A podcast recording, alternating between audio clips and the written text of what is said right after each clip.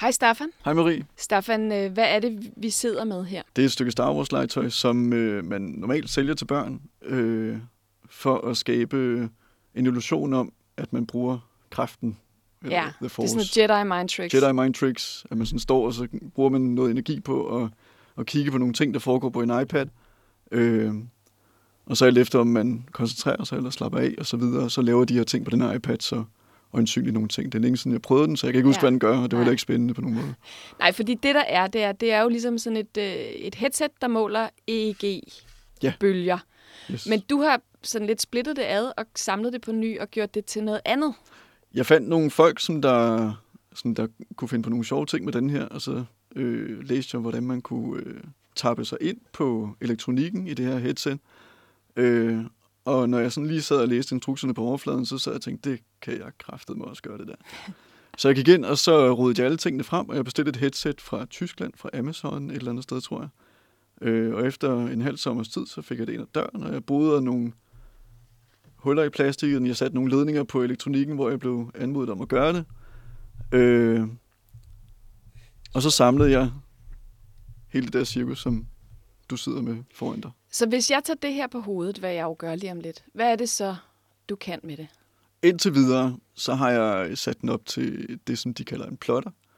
Øh, og det ligner sådan en løgndetektor for filmene, plejer jeg at kalde det. ja. Hvor du ser en masse ting, som der så bevæger sig alt efter den hjerneaktivitet, som du så øh, forhåbentlig bruger. Ja, og hvis vi, så, hvis vi så skal se forskellen i min hjerneaktivitet, så har du et forslag til, hvordan jeg bliver rigtig stresset? Jeg, jeg har testet den. Øh, nu ved jeg ikke, om det bare er mig, der fungerer på, men i hvert fald så har jeg siddet derhjemme, og så noget, som der var hurtigt for mig at teste med, som jeg vidste havde en, en stor forskel i mit afslappede og mit øh, aktive stadie på en eller anden måde. Det var, at øh, jeg spiller Doom ja. fra 1993, tror jeg det er. Ja. Øh, og så gør det en lille smule svært for mig selv, og så tager jeg headsettet på, og så starter jeg Doom, og så sidder jeg og spiller Doom en lille smule, og så stopper jeg Doom, og så prøver jeg at slappe af og vende mig om og kigge om på skærmen. Og så forskellen fra, når jeg spiller Doom, og når jeg kigger på skærmen, den har lavet et uh, tydeligt udslag i min mening på øh, Okay, så det vi kan nu, det er, at vi kan teste min hjerne på Doom, og min hjerne ikke på Doom.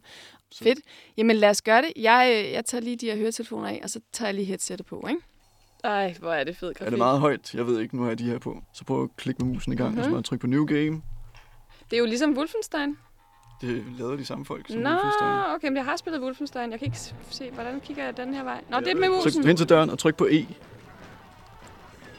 Ja, der. Hvor var den? Okay. Ah. Au. Jeg fik ham. Ja.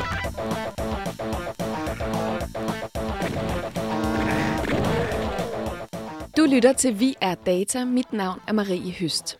I dag fortsætter vi samtalen om Brain-Computer Interfaces, altså en computer, som du kan styre eller interagere med gennem hjerneaktivitet eller tanker. Som jeg netop har fået lov til at opleve på egen hjerne, og som det nok blev tydeligt også i dette eksempel, er det i høj grad stadig work in progress. Og det er teoretiske fremskrivninger af teknologien, vi kommer til at tale om i dag.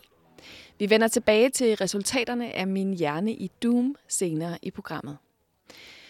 Det er jo en teknologi, vi har forestillet os i mange år i science fiction.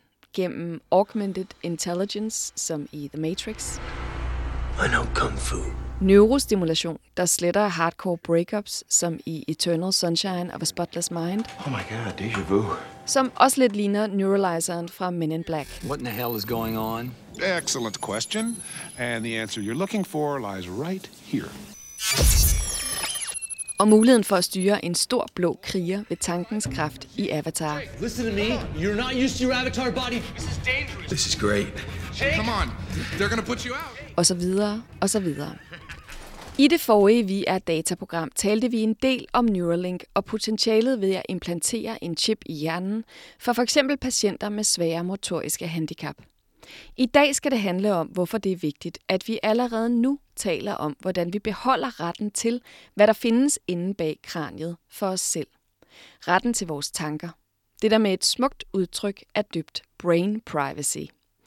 For selvom teknologien ikke er moden endnu, er det nok en god idé at blive enige om nogle etiske retningslinjer inden for tankekontrollerede apparater, inden de går som varmt brød i elgiganten. Jeg får besøg af to eksperter i digital kultur og sundhedsteknologier, som beskæftiger sig med at opstille og diskutere fremtidsscenarier. Og så skal jeg tale med professor Rafael Juste, som er Director of the Neuro Rights Initiative på Columbia University, som arbejder på at beskytte menneskerettighederne og støtte etisk udvikling inden for dette felt. Velkommen til Vi er Data. Nu vil jeg byde velkommen til mine gæster i studiet i dag, oven i købet i flertal. Det er første gang i Vi er Datas historie. Katrine K. Pedersen er ekspert i digital kultur, international anerkendt forfatter, blandt andet til bogen De Digitalt Udsatte, og leder af Kunstmuseum Arkens Tech Lab, som står for undervisning og formidling. Og Niklas Larsen er seniorrådgiver på Institut for Fremtidsforskning, hvor han blandt andet arbejder med sundhedsområdet og har heraf indsigt i Big Tech i sundhed. Og så er han skribent på magasinet Scenario. Sammen har de gang i et projekt, der hedder Imagine Futures Through Art and Technology. Velkommen, Katrine og Niklas. Mange tak. Tak. Niklas og Katrine, I er jo ikke hjerneforskere eller neurotech-udviklere. Og når vi taler om BCI-teknologier, så er det vigtigt at sige, at der er meget hype på det her område, og vi forstår stadig ikke hjernen særlig godt. Det bliver en smule teoretisk. Men I arbejder med at opstille og diskutere fremtidsscenarier, og det er det, vi skal i dag. Altså tale om, hvilken betydning det kan have, når tech-giganterne går ind i biologien og ind i sundheden. Og i sidste episode, der talte vi en del om Neuralink, fordi Elon Musk kom med tre små grise og nogle ret vilde visioner og forestillinger for, hvad der skulle ske med brain-computer interfaces. Men hvad tænker I? Altså investorerne sidder lige nu og tænker, altså hvilket potentiale er det, de ser i de her teknologier på lidt længere sigt? For at riste det sådan rigtig stort op. Altså man kan jo sige, det er jo for det første, så skal man jo købe ind på den her præmis og den hype, der er lige nu. Og man taler om, at øh, big data bliver overtaget af neurodata, og det er fremtiden. Og det er jo en del af, af hele vores teknologiforståelse og teknologiudvikling. Det er fremdrift, det er øh, idéer om fremtiden. Lige nu er det jo rigtig meget en idé om fremtiden. På mange måder er det jo også noget, man, man har øh, forsket i, i videnskaben i rigtig, rigtig mange år. Men videnskaben er flyttet over i nogle store tech-virksomheder, blandt andet Silicon Valley. Øhm, og det handler også rigtig meget om for de her virksomheder om at være med ude i fremtiden, og ligesom at være med til at investere på den her nye idé om blandt andet neurodata og BCI og så videre. Øhm, denne her, øhm, det nye marked, eller man kunne også kalde det for et nyt brand property, fordi man skal jo hele tiden opfinde nyt, fordi det er jo der, hvor forretningspotentialer er. Så det er også sådan, hvis man laver en, en analyse af, hvad kan man sige, sådan, øh, de forretningsmodeller, der eksisterer nu, og det, der er nødvendigt for, at man kan overleve som virksomhed, at man, det er jo innovation. Øhm, så en ting er, at det er øhm, en udvikling, men så er det også rigtig meget et øh, forretningspotentiale, som man bliver nødt til at, at, at være med på, fordi at vi på en eller anden måde har besluttet, at det er det, der er fremtiden inden for teknologi. Ja, så de er alle sammen rigtig invester- hvad kan man sige, interesseret i at være først med det her. Ja. Og det så vi blandt andet, da Facebook investerede i det her, der hedder Control Labs i 2019, altså sidste år. Og de var i gang med at udvikle det her tankelæsningsarmbånd. Hvorfor, øh, hvorfor er det, Facebook købte den her virksomhed, og hvad er det, den kan? Jamen det er jo igen et spørgsmål om at optimere og effektivisere, og det er hele tiden det, der er interessant for, for de her virksomheder, som er forbrugerrettede og som er kommercielle. Det er for et forbrugerperspektiv. For virksomheden handler det også om at optimere marketingstrategier, forretningsmodeller. Øhm, så, og så kan man sige, at øh, det her med, at forskningen er flyttet ind i de her virksomheder, at man har et research lab, er også en måde for en virksomhed som Facebook på at undersøge noget af det potentiale, noget af det, som, øh, som de her nye teknologier måske vil kunne. Men der er jo to dele i det, fordi det ene er, at jeg tænker sådan, okay, Facebook siger til mig, du tager bare det her armbånd på, og så tænker du på at poste noget og trykke klik, og så behøver du slet ikke bruge dine fingre på musen. Så gør armbåndet det for dig. Men der er vel også noget andet i det. De får vel også adgang til noget i mit hoved, eller hvordan er det? Jamen lige præcis. Det, at er jo meget tråd med, hvad Katrine sagde. Der er både forbrugerperspektivet, og så er der også inden fra virksomhedens perspektiv. Øh, det, som de jo rigtig gerne vil, det er at finde nye måder på at være en integreret del af vores hverdag. Øh, og hvis de ligesom kan knække koden med at være først med en eller anden form for interface, der kan monitorere os og aflæse vores tankemønster, så får de jo en mulighed for at gøre vores hverdag øh, mere effektiv, lettere på nogle forskellige ting. Der vil være nogle, nogle ting, som kan blive optimeret meget nemt. Øhm, åben, lukke computer, øh, bladre, slukke elektroniske ting øh, osv. Men, men det handler jo i, man må antage, at deres incitament handler mere om, hvordan, hvordan fanden de kan nå os bedre. Hvordan kan de, hvis vi så med, med, med, med Cambridge Analytica for eksempel, øh, som jo er det, der blandt andet gør, at folk nogle gange stusser lidt over, hvad, der, hvad, hvad skal en virksomhed som Facebook ind i hjernen, når vi også havde den her skandale. Ikke? Jo, for man får også lyst til at sige, at de kan jo allerede læse vores tanker. Og de ikke engang, måler jo ikke engang på EEG, så hvad skal de med det? Nej, men det var måske baseret på likes og posts og, og ja. så videre, og det gik jo ret godt med at målrette kommunikation til os, til at have en, øh, til at have en ret øh, skræmmende effekt. Og hvis man ligesom kan sætte den effekt på steroider ved at aflæse øh, hjernen, så er der jo, jeg tør næsten ikke tænke på, hvordan man vil kunne målrette kommunikation. Så kan man jo i hvert fald uh, amputere PR, branding, markedsføring i traditionel forstand, hvis man har en direkte adgang til forbrugeren.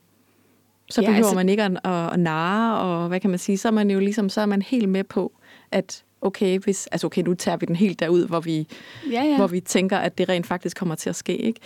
Øhm, så det er jo også, altså man kan sige lige nu, ja, det eksisterer jo nu, fordi man, er, man har, og det har jo eksisteret i rigtig, rigtig mange år. Neuroscience har jo eksisteret i rigtig, rigtig mange år, og man har været interesseret i, hvordan kan vi øh, effektivisere, men også hvordan kan vi manipulere. Altså der er jo øh, inden for øh, retorikken eksisterer der jo mange forskellige grene inden for argumentation og kommunikation, den helt den ydre af den, er den ekstreme version, som er propaganda. Øh, det her med, at man ønsker at påvirke en person til en bestemt handling, uden vedkommende er vidne om det. Og det kan man jo sige, det eksisterer i høj grad, og mange, på mange måder kan man jo godt lave en analyse som øh, af Facebooks øh, forretningsmodel i forhold til data, som man kan kalde for en, en propagandistisk model.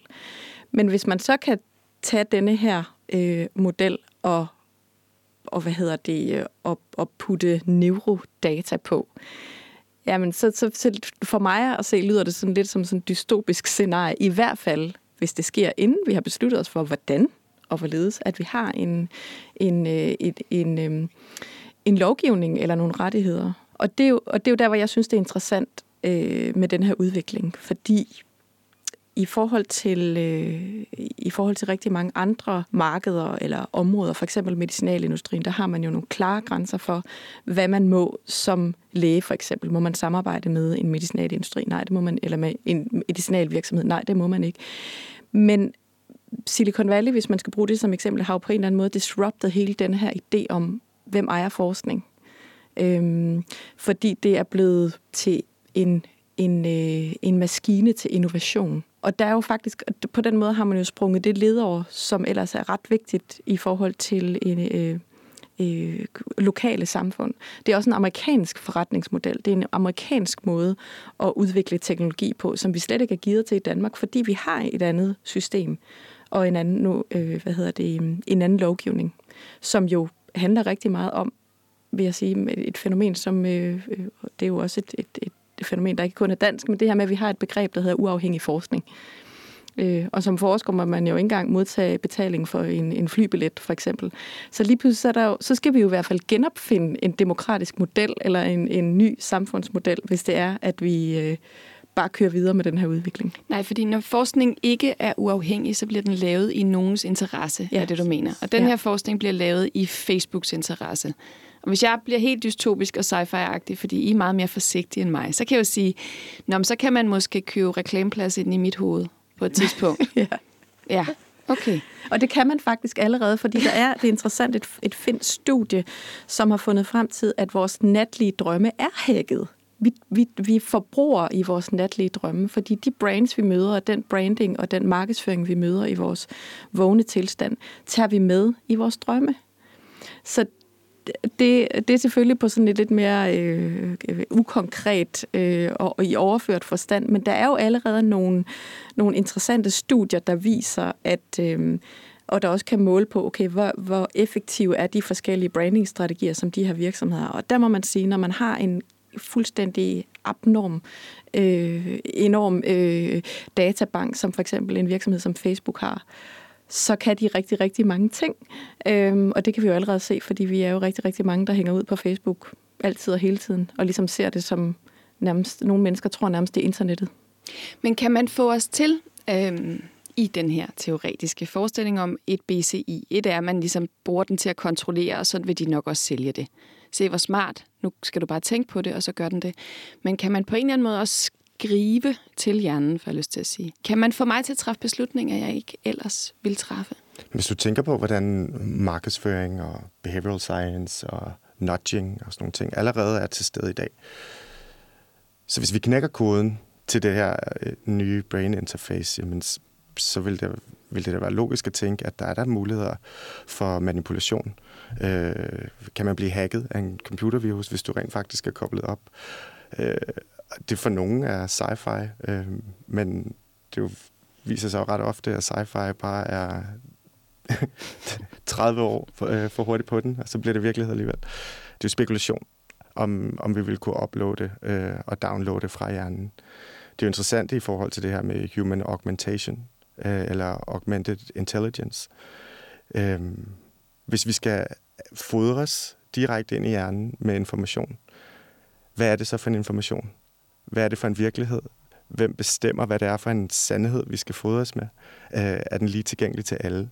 Eller vil vi have øh, de her transhumanistiske grupper, som har råd, og øh, råd til det og teknologien tilgængelighed, mens resten ligesom får lov til at være helt almindelige mennesker. Det jeg tænker i forhold til Facebook, og hvis vi lige tager tilbage til, hvad de rent faktisk laver lige nu, den her udvikling af det her, eller hvad Control Labs i hvert fald arbejdet på, det her armbånd, øh, som man så kunne træffe beslutninger med, eller kontrollere sin computer med på en eller anden måde, så tænker jeg, man skal jo stadig tage det på. Det er jo stadigvæk ikke sådan, at man, man, kan, man kan skrive til vores hjerner, eller tage information fra vores hjerner, uden at jeg har noget på hovedet. Har det ikke en betydning?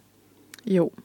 Og der, det, det har det da helt sikkert, men på den anden side kan man jo også sige, det er derfor, jeg tænker, man kan godt tage udgangspunkt i det, vi, det vi, de teknologier, vi interagerer med lige nu, altså de kommercielle, øh, digitale, øh, som Facebook for eksempel.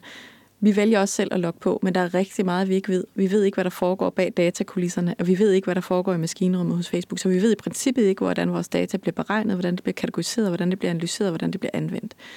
Og det samme er jo sådan set tilfældet. Øhm, jeg læste om et eksempel i Kina, at man simpelthen i nogle virksomheder havde givet øh, ansatte øh, hjelme på med elektroder, hvor man simpelthen kunne, kunne måle. Selvfølgelig kan man jo sige nej tak til det. Det har man jo i hvert fald, må man gå ud fra. Øh, en ret til. ja. I hvert fald så skal man have, have, en, øh, have en mulighed for at vide, hvad, hvad, hvad det er, man siger ja til, og ligesom en kontrakt, der, der kan øh, informere en om, okay, hvad er det for noget data, der bliver trukket ud, og hvad bliver det anvendt til? Mm, absolut, men det vil jo så også betyde, at vi alle sammen skal til at læse fine print. Og det gør vi jo ikke.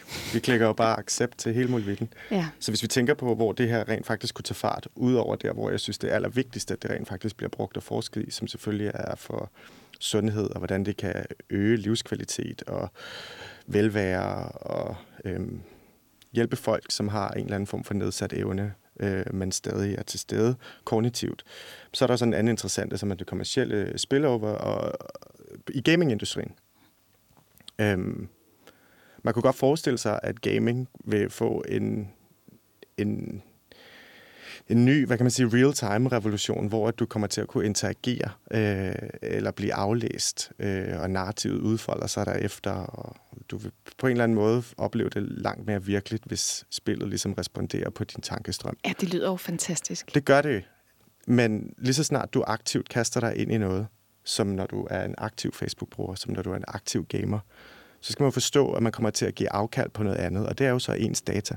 Så hvis man gerne vil spille det her fantastiske spil, hvor interfacet ligesom tillader interaktion med hjernen, men så skal man også være med på, at man giver afkald på, øh, på det tankemønster, man måtte afgive, mens man, øh, mens man gør det.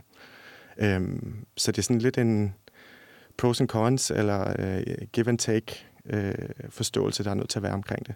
Så det kan godt være, at det ikke er konstant monitorering, når man ikke har dimsen på, men når man så har den, så har du ikke nødvendigvis kontrol over, hvad det er, du har afgivet. Kan I hjælpe mig med at skære lidt ud i pap, hvad det så er, den her data for eksempel kan bruges til? Bare fordi, jeg tror, det, det der med, altså, hvad kan man sige, salgsargumentet for rigtig mange mennesker vil være sådan, åh, oh, lige præcis det der spil, hvor jeg kan tænke mig til, at jeg løfter de der sten og kaster dem efter nogen. Der vil de fleste jo tænke, okay, hvor er det fedt. Det er i orden. Hvad er det, hvad er det dit data potentielt vil kunne bruges til, som jeg afgiver, imens jeg spiller det spil? Men det kommer jo an på igen, hvem man spørger. Øhm, og det vil jo ofte være noget, som en virksomhed ikke vil svare på, fordi det måske er en forretningshemmelighed. Øhm, I hvert fald, som det ser ud lige nu. Hvis vi stadigvæk bruger sådan den, den gammeldags, kunne man vel nærmest kalde det, i hvert fald den eksisterende model i forhold til øh, big data. Så, øh, så det er jo egentlig det, der er det interessante, det er det her, den her black box struktur. Så jeg kunne forestille mig, at hvis det var Fortnite, som i forvejen har fået skyld på og skyld, øh, er blevet beskyldt for at, øhm, at fastholde børn og unge og nærmest skabe sådan, øh, nogen kalder det afhængighed, øh, og samtidig også bare datahøste med formål naturligvis at få de her børn og unge, eller hvem der nu måtte spille Fortnite, til at blive lidt længere. Det er det samme med den samme model i forhold til sociale medier.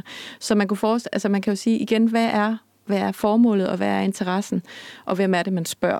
Og jeg tænker, det lyder jo fantastisk, og man kan jo sagtens... Øh, det, det, men, men, men hvis man nu skulle deltage i et eksperiment, være med i et forsøg, øh, i, hvad hedder det, øhm, hvis det var faciliteret af et universitet for eksempel, så er der nogle virkelig klare rammer for, og man skal skrive under på, og man skal ligesom være helt klar over, øh, hvad det er, man går ind til. Og det kunne jo være, altså et eller andet sted ser jeg det lidt som et eksperiment, og det vil det naturligvis være, når det er innovation, og når det er noget nyt, der er i gang med at blive udviklet, eller hvis vi er en del af et, et dataindsamlingsprojekt, øh, så vil det nu engang være et, et eksperiment, som vi accepterer at, at gå med ind i, fordi vi ikke er vidne om, hvad, hvad, hvad resultatet er, og hvad, vi ligesom, hvad det er, vi afgiver. Jeg tror, de fleste, der spiller, vil jo bare tænke, det er jo den vildeste feature, det må jeg prøve. Mm-hmm. Mm. Men Niklas, jeg er lidt nysgerrig på, for du gik lige hen over noget på vej mod neurogaming. Der talte du om det her med, øh, med sundhedsindustrien. Mm-hmm. Og, og i sidste program, der talte vi jo meget om, hvis man var svært motorisk handicappet, eller nogle af de her ting, hvor man virkelig har reel interesse i at hjælpe de her mennesker. Men der er jo ja. også hele den her quantified self-bølge. Mm, absolut. Øh, og det taler ind i, at vi historisk set har forstået sundhed ret smalt. Det har været noget, vi modtog for vores skattekroner, øh, og det var noget, vi skulle prøve at, øh, vi skulle prøve at, at, at modkæmpe sygdom. Så det, sundhedsbegrebet er eksploderet. Det handler om at forebygge sygdom, det handler om at holde sig rask, øh, og så taler det også ind i den her tendens med, at alt skal være øh, personaliseret. One size fits all passer ikke ind i øh, det, ene, øh, det resten af det 21. århundrede. Vi vil gerne have ting skræddersyet til vores, til, til vores behov. Øh, og der har de ordinære sundhedssystemer, de offentlige sundhedssystemer, ligesom sakket bagud og de store teknologivirksomheder er ligesom kommet ind i fronten, fordi det er dem, der kender os bedst. Og de har så ligesom set et kæmpe white space i forhold til at kaste sig ind i, sundheds, øh, i sundhedsbranchen og sundhedsindustrien. Øh, der er jo absurd mange apps og monitoreringssystemer og ting og sager, der kan hjælpe os med at forstå og agere bedre. Øh, som jo på et eller andet tidspunkt vil give dem en fordel over det traditionelle system, hvis de fordi dem, der kender os bedst, vil have mere magt og vil kunne tilbyde nogle bedre services. Ja, for I tror ikke på, at forbrugerne vil sige nej til det her, fordi at man er bange for, hvad det, hvad det skal bruges til? Jamen, det er jo igen et spørgsmål. Er det, altså, det her med, når det er noget, der rent faktisk griber ind i øh, den måde, som vi tænker et demokrati i dag, den måde, som vi netop tænker de her forskellige... Øh, altså, det er vigtigt at adskille øh, det kommercielle fra forskning, for eksempel. Så tænker jeg, at det er jo ikke et, det er i hvert fald ikke et forbrugervalg, der kan være med til at, øh, og, eller har ikke den store indflydelse på den her udvikling. Jeg synes, det her er et meget godt eksempel på, at nu er der en ekstrem hype omkring det her. Det er stadigvæk ikke noget, vi overhovedet ved, om det kommer til at, at, at ske i fremtiden, eller hvordan det bliver brugt i fremtiden. Men vi har jo oplevet det før, at der har været et, et, sådan et øh, hype omkring øh, øh, smart-teknologien, basically er et eksempel på det. Øh, og der, man kan sige, hele denne her hype øh, er jo med til at trolle på en eller anden måde, ikke? Fordi at så taler vi kun om, hvor fantastisk det er, og at vi alle sammen er med, og nu skal vi ikke være reaktionære, og vi skal være med i fremtiden, og hvis vi ikke er med, men vi glemmer bare i den diskussion at stille spørgsmålstegn ved, hvem det er, der definerer fremtiden igen, ikke?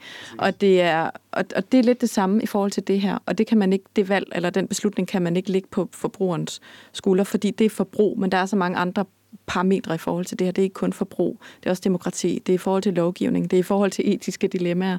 Så, øhm, så og, og, og, og ligesom og snævre det til at handle om, og det siger jeg ikke, du gør, men det er jo det, der har været traditionen og været en fantastisk propagandamodel for Silicon Valley, at man hele tiden ligger valget over til forbrugeren. Du kan selv vælge, om du logger på. Du kan sådan set også selv vælge, om du vil dele dine data. Og, men alligevel ikke helt, fordi der er en masse viden, man ikke har. Og det er det samme med det her. Og derfor tænker jeg, at hvis man skal kunne tage et, et informeret valg, så skal der ligesom være et grundlag for det.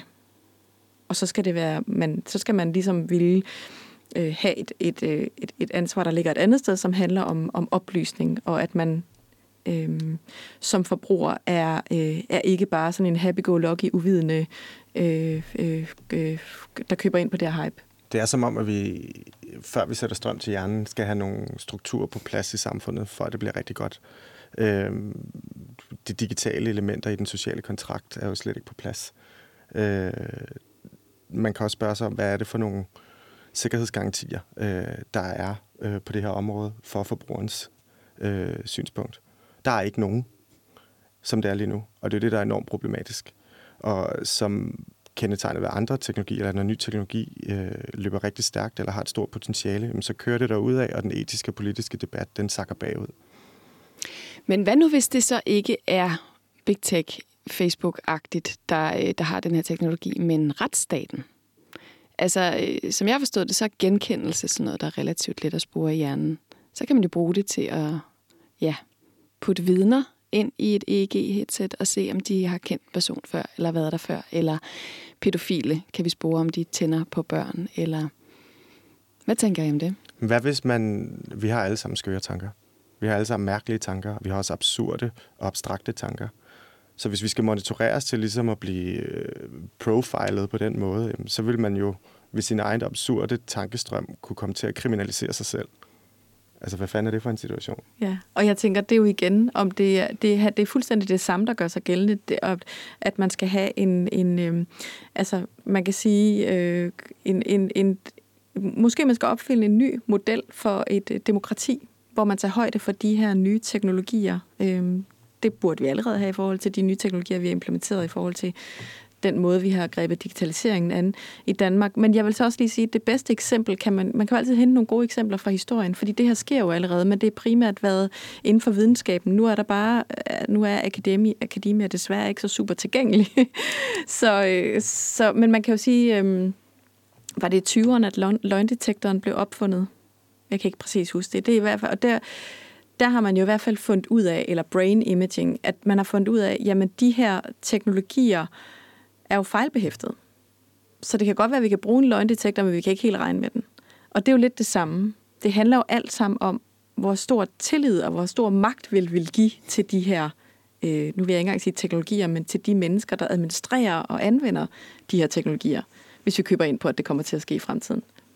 Og jeg, jeg ville være lige så utryg ved, at der er nogle uvidende politikere eller magthavere i et, i et statssystem, der anvender det, som jeg ville være nervøs for, at Facebook gjorde. Det er fuldstændig det samme.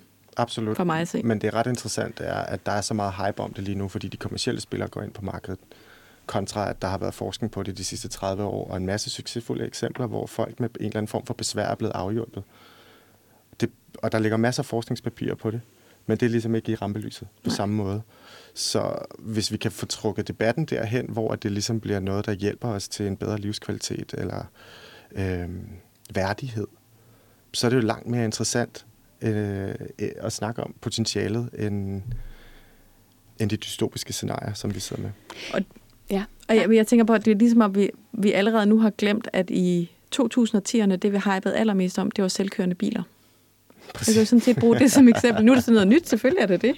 Fordi vi bliver nødt til at finde på noget nyt, og der er det, man skal... Vi kan simpelthen ikke vente på, at de kommer. Vi er nødt til at snakke om noget andet. Ja, ja, og så tænker jeg også, at det, er, at, at det var at i 1950'erne, hvor man lavede et studie med, med chimpanser, hvor man kunne simpelthen bruge hjernebølger til at påvirke øhm, altså hvor man også arbejdede med interfaces. Det var så en eller anden robotteknologi, og selvfølgelig en vintage-version.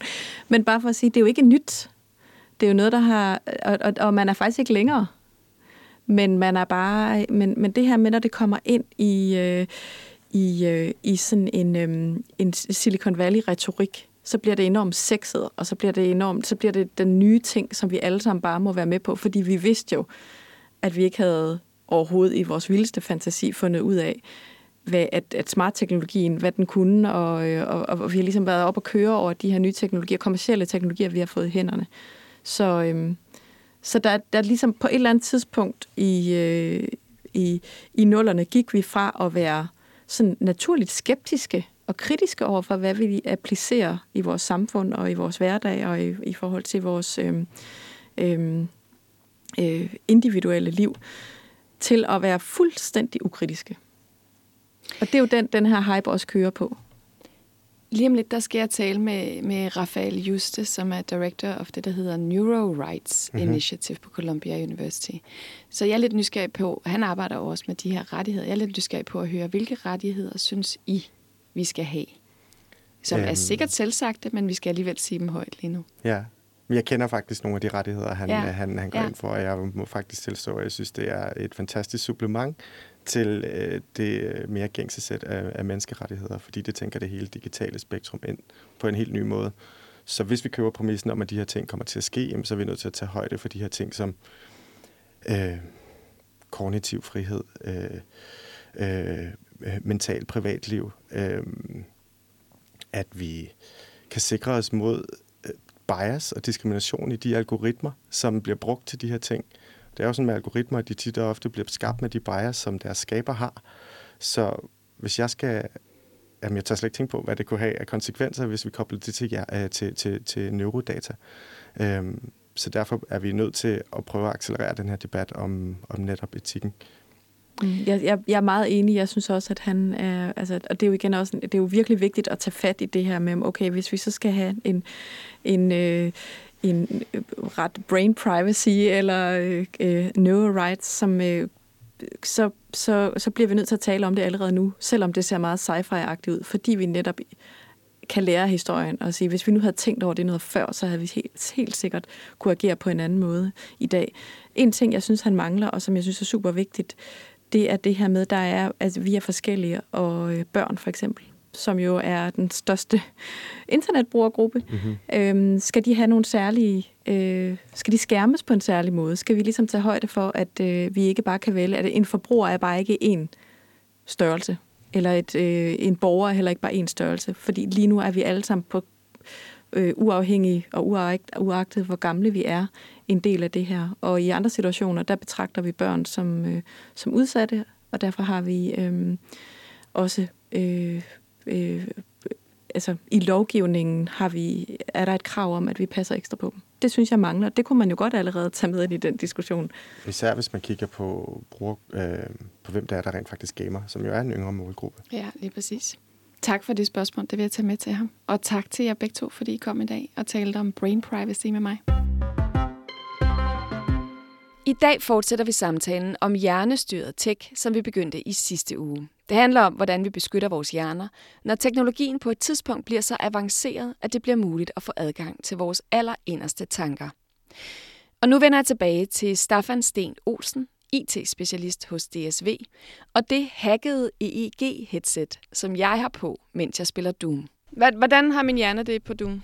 Det ved jeg sgu ikke, fordi jeg ved virkelig meget lidt om EEG, men det, som jeg kan fortælle dig, det er, at det som der var, det var, at du havde en aktivitet, ligesom den orange hernede. Ja. Indtil mens vi sad og snakkede, så havde du en lille spike, mens du sådan snakkede også en lille smule og sådan noget. Ja. Men så da vi gik i gang, så begyndte de her linjer. Og så begyndte du at snakke, mens du skød, og så kom der nogle store. Det var derfor, jeg sagde, at jeg tror faktisk, at den laver største udslag, når du snakker og spiller samtidig, fordi så fik vi nogle af dem der. Okay, så i virkeligheden så kræver det mere hjerneaktivitet for mig at sige kloge ting i radioen, end det gør for mig at spille Doom en sammensætning. En sammensætning af de to ting.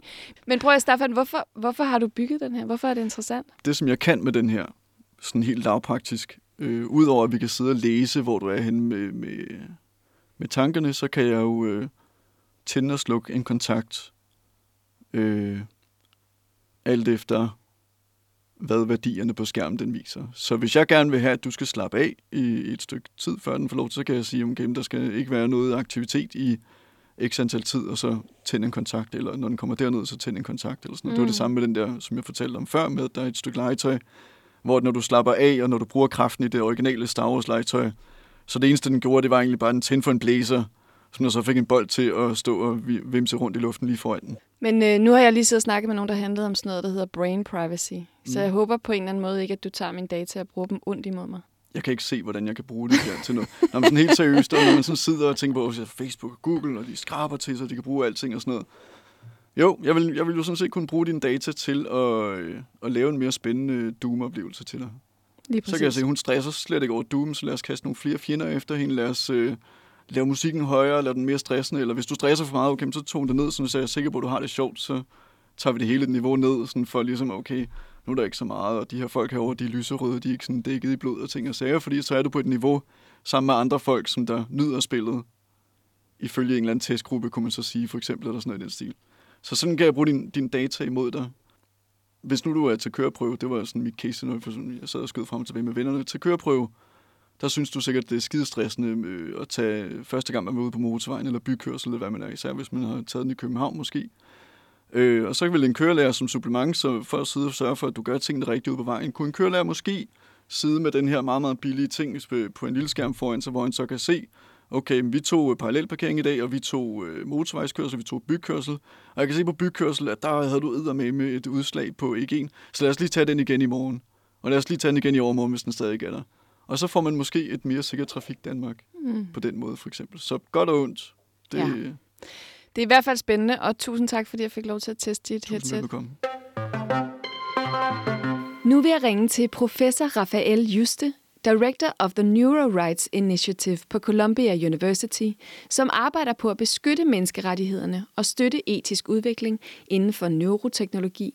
Og med neuroteknologi forstås en hver teknologi, der optager eller påvirker hjerneaktiviteten. Lyden på optagelsen med Rafael er desværre i ret dårlig kvalitet, så det gælder om at spidse ører. Okay, Rafael, what are your biggest concerns when it comes to neurotechnologies? Yeah.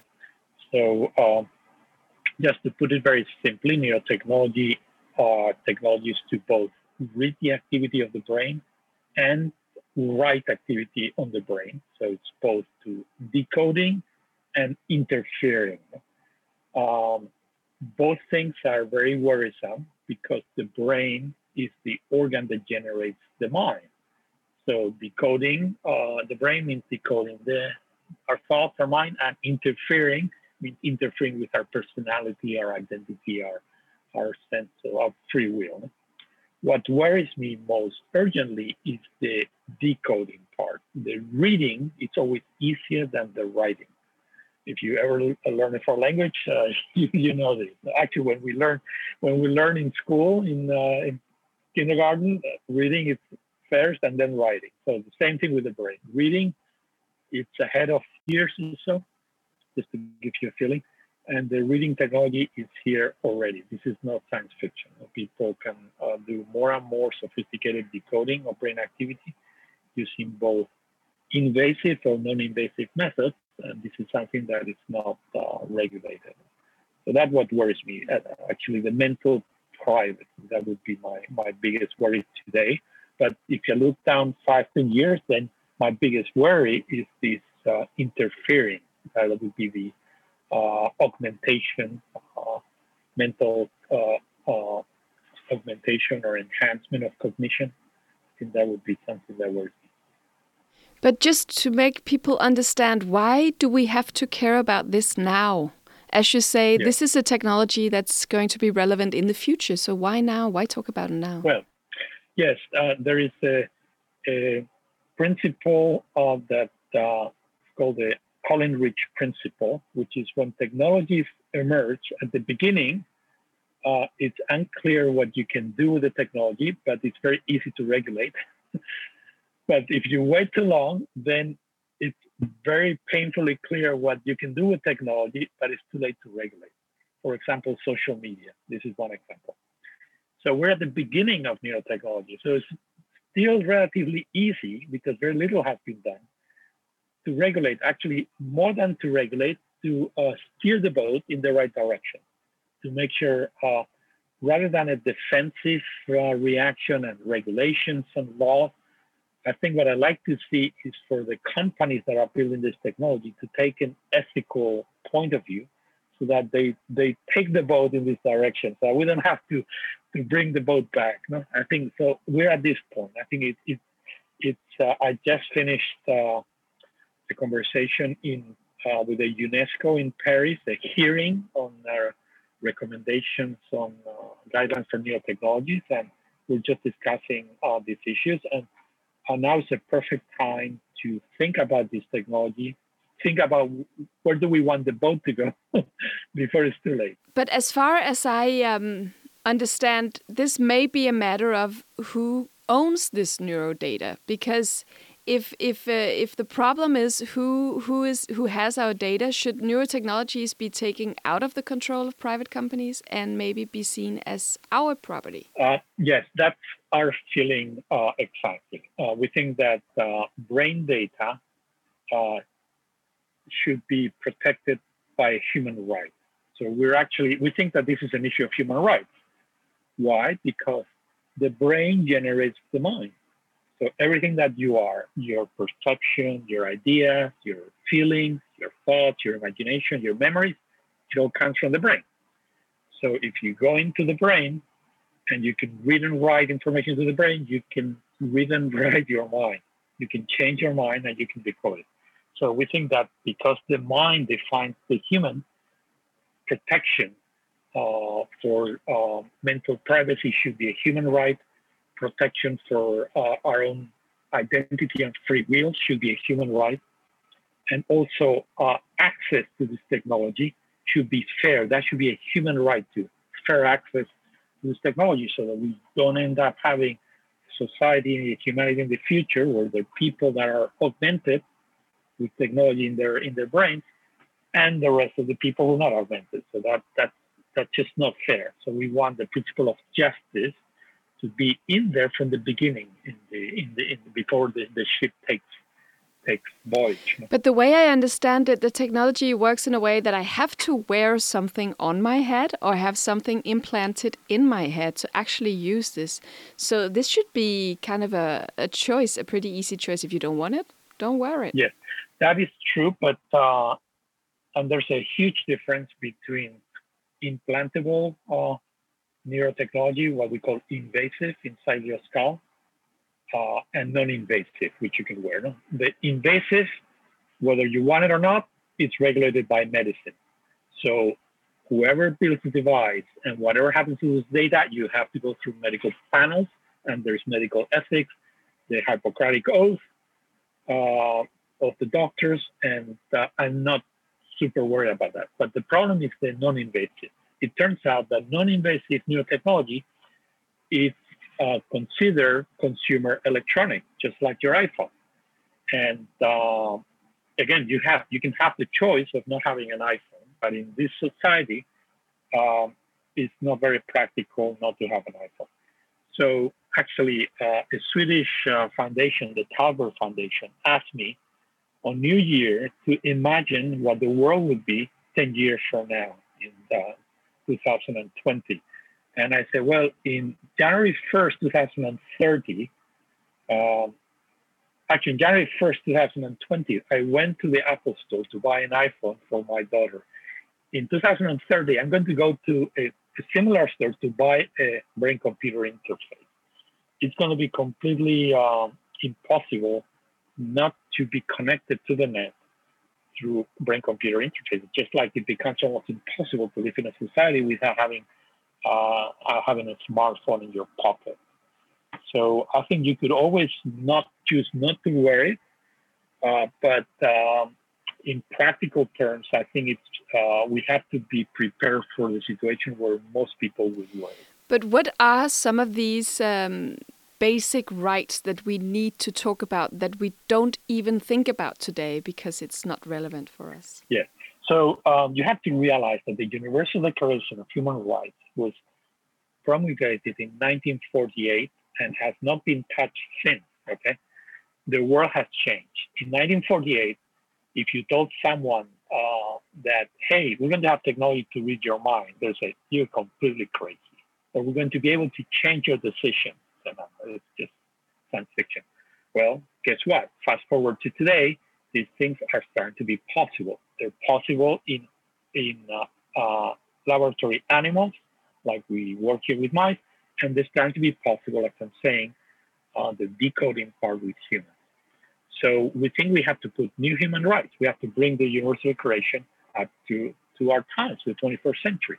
And we're proposing uh, five human rights, new rights, uh, we call them neural rights, that would protect the brain or the minds of people.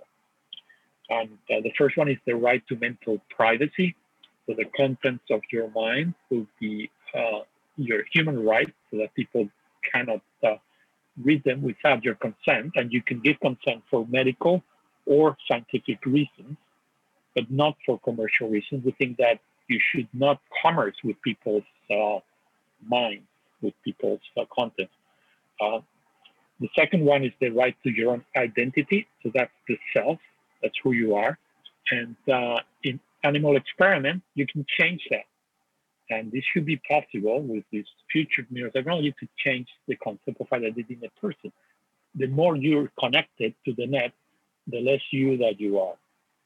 And we think this is a basic human right. In fact, I would argue this should be the first human right. Yeah, if you, yeah. if you don't have identity, why, why worry with the rest? Are you even human? Yes, yeah. Exactly. And then we have uh, the right to your own agency, to your free will, our decision making uh, if you're connected to the to the net and there's an external algorithm that is making the decision for you, you lose your own free will. And we think this defines a human, your your ability to make decisions. So that should be a human right. It's not in the Universal Declaration today. And then another one is the right to fair access to uh, enhancement or augmentation. As I was describing to you, uh, we need to make it a human right uh, so that no one is left behind. If we are going to change our humanity and become a different types of species, uh, we have to do this under the principle of justice. It cannot be an economic principle or a racial or societal principle. It has to be the, the principle of universal justice. And then finally, the right for, uh, and with this I will finish, uh, the right uh, to uh, lack of bias and discrimination in the algorithms that are used by the neurotechnology because it would be completely uh, uh, terrible if in the 21st century, after all the advancements of the last 500 years in society, we put in the middle of people's brains uh, algorithms that have a bias or are discriminated against certain people, and then we essentially would go back in time. we go back in time in progress. Interesting. And then I have the question from from Catherine that I had in the studio earlier, Catherine Nicholas. She asks, should the rights for children users be different than the ones for adults? Because many children are gamers and they would love this technology very soon, I guess. Yes, but uh, not for that reason. Uh, I think children should have even stricter rights. Uh, underage uh, minors should, uh, this technology should be more regulated. Why I say that? Because uh, during early childhood and adolescence, the, the brain goes through what's called critical periods of development in which the outside world can influence and shape and crystallize the hardware, the neural circuits uh, that we have in our in our brain. And this was actually discovered by my mentor, who's Scandinavian, Thorsten Diesel, is Swedish from Uppsala, and he actually got the Nobel Prize uh, uh, with uh, and he and David Hubel discovered these critical periods for cortical for brain development. Because of that, uh, the brains of children, we know this scientifically, are much more uh, malleable, which makes any uh, manipulation that we do at early ages uh, become permanent. So the damage would be much worse uh, if we try to reprogram your brain uh, if you're a kid, it could be much more severe than if we try to reprogram you after you've passed your critical period. After essentially after puberty, your your brain becomes more or less uh, settled and crystallized. So, so I think uh, these neural should be not just applied to children, but applied particularly forcefully to, to children. But Raphael, the big question will be how will these guidelines be implemented and how should they be enforced? Yes, this is a, a huge question, and uh, we've been thinking about this now for, for a couple of years. And uh, I can tell you what we're doing uh, as an example of uh, the kinds of things that you could do. So we're doing three things. One is to defend uh, people, defensive, and that would be by implementing these neural rights in legislation. So this could be in the Universal Declaration of Human Rights, in laws uh, approved by parliaments, in constitutions.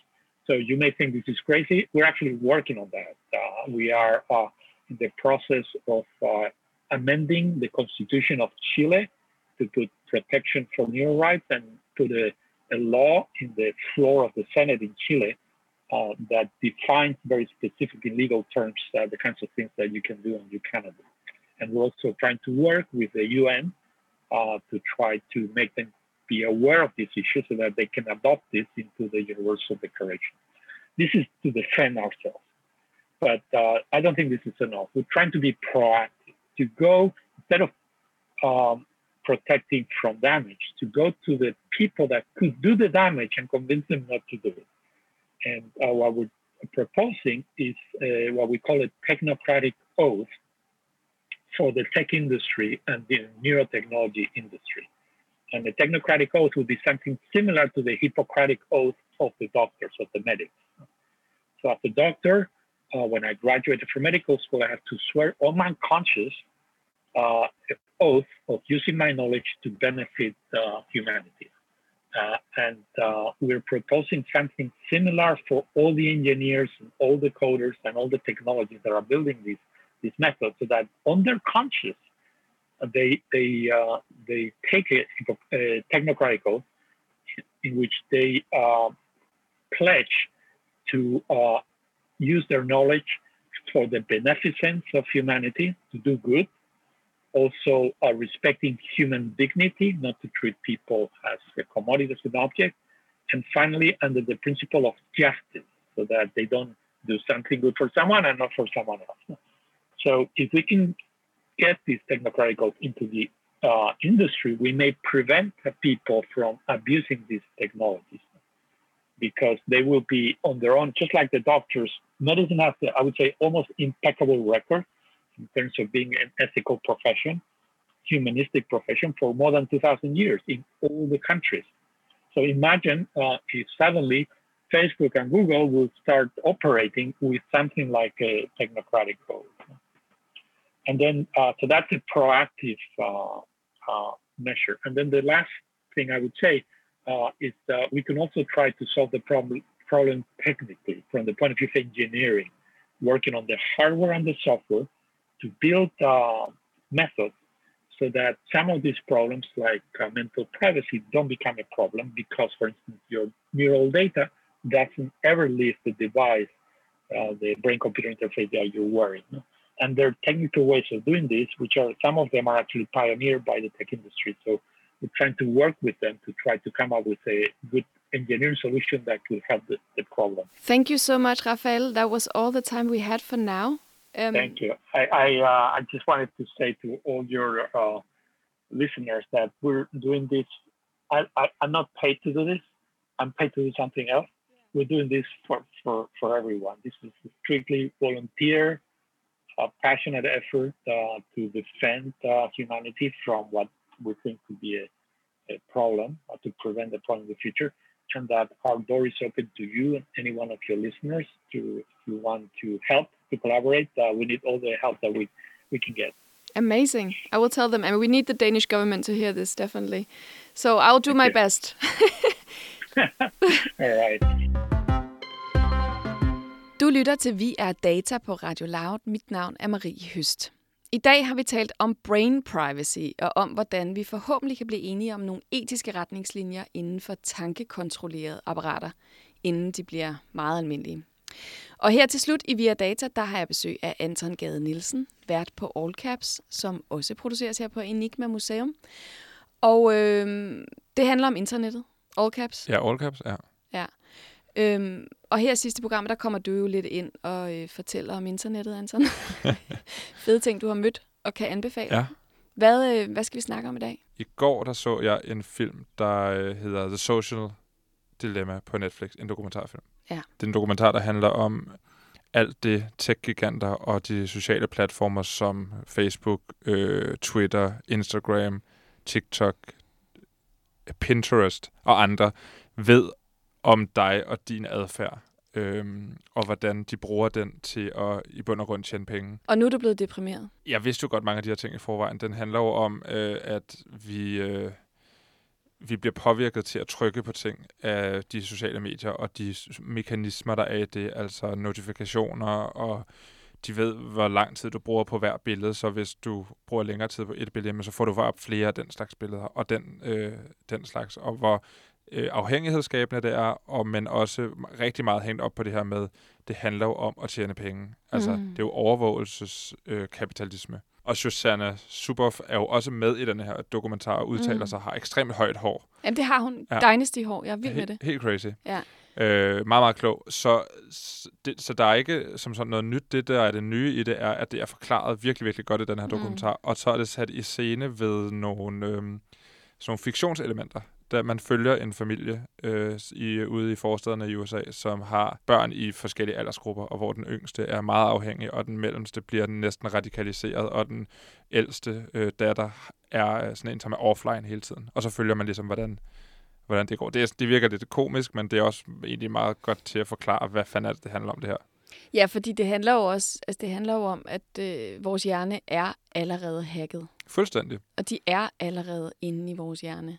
Og de kan, de kan føre os i hvilken retning de har lyst til. Og det er jo også det, vi ser lige nu, at den handler jo rigtig meget om altså folk, som tror på konspirationsteorier, men den handler også meget om splittelse, i specielt i USA, mellem øh, demokrater og republikanere, og hvordan den splittelse er øh, en del af øh, de sociale mediers skyld. Ikke? Mm. Det er sindssygt uhyggeligt. Ja. Men hvad så, når der kommer nogen øh, med sådan et fedt nyt gaming device, hvor du kan styre ting med tankens kraft?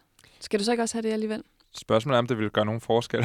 altså, nu hørte vi lige Staffan, der siger, at øh, jamen, du kan bruge det til at optimere forskellige ting. Jamen, det er også det, du i de forvejen ved om dig i sociale medier. Altså, de ved, hvad, du, hvad der fungerer for dig. Det kan godt være, at man vil kunne øh, optimere det endnu mere med, hjernen, øh, med hjerneinfo.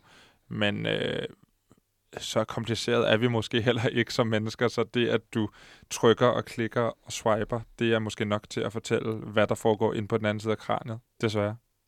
Det er fandme uhyggeligt. Ja, vi er nogle dyr, og, øh, og, og vi, altså, jeg vil anbefale alle at se den her dokumentar og tænke over dit eget sådan, forbrug af sociale medier, og hvad de, las, hvad, de, øh, hvad det ligesom overbeviser dig om, at du skal gøre, og hvor meget tid du skal bruge på det, fordi du bruger ekstremt meget tid på forskellige platforme. Men nu arbejder du med det her, Anton. Hvad vil ja. Du gøre? Hvordan vil du gøre anderledes, når nu den her dokumentar faktisk har påvirket dig? Jamen, da vi sad og kiggede på den i går, øh, i går aftes, så blev vi også enige om derhjemme, at vi bliver nødt til at lægge telefonerne fra os, når vi træder hjem, altså ind ad døren derhjemme, lægge den ude i gangen og lade den ligge der. Øh, vi har jo Chromecast derhjemme, så, så derfor har vi ligesom givet os selv en undskyldning for hele tiden have vores telefoner på os, hvis vi nu skulle sætte musik på, eller hvis vi nu skulle sætte noget tv på. Men altså, der må vi bare bruge en gammel iPad, der ikke kan gå på nettet, og så øh, bruge den til det, og så give vores telefoner stuerrest. Ja, Tror men det er jo jeg. det. Men det er jo en, en, proces, som jeg tror, mange af os er i gang med. Det der med, at vi havde så travlt med at få alting ind i vores telefoner. Hey, hvor er det smart. Man kan det der, det der, mm. Det der, det hele er samlet et sted. Og nu vil vi faktisk rigtig gerne alle sammen have tingene ud igen. Og så tror jeg virkelig også, at vi skal, vi skal presse på og håbe på, at der bliver reguleret på området fra altså EU for eksempel, som mm. kan gå ind og sige, men sådan her må du slet ikke manipulere, og sådan her må du ikke styre folk på den anden side af skærmen, fordi det er etisk øh, forkert. Ja. Og det er der jo nogen, der arbejder på, ved vi heldigvis. Øhm, Anton, tusind tak for, øh, for anbefalingen til alle, der har lyst til at blive lidt deprimeret over deres øh, brug af telefon og skærm. Så tak. Det var alt, hvad vi nåede denne gang i Vi er Data. Vi er tilbage næste lørdag kl. 17, og ellers så kan du som altid finde programmet og alle de tidligere programmer i din foretrukne podcast-app. Programmet var produceret af og på Enigma Museum for Post, Tele og Kommunikation, og i redaktionen sidder Anton Gade Nielsen, Nana Schmidt Nordeskov og jeg selv. Jeg hedder Marie Høst. Tak for denne gang.